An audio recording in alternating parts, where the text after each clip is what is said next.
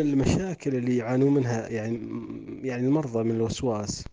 إن بعضهم يحاول يقنع نفسه مثل الصلاة العشاء مثلا يحاول يعني يصليها باقتناع إنه صلى أربع ركعات وقرأ أمل وقرأ الفاتحة في الركعة الأولى وقرأها في الثانية والثالثة والرابعة والرابعة وإنه ذكر أذكار الركوع وأذكار السجود يحاول يعني دائما يقنع نفسه بهذا يعني بصلاة يخرج منها مقتنع تماما. هذا هو سبب الوسواس. يصلي الإنسان كيف ما اتفق جاء الفكرة يتجاهلها بس. يصلي ويتجاهل يتجاهل يتجاهل يتجاهل. هذا هو حل الوسواس هذا أعظم حل للوسواس.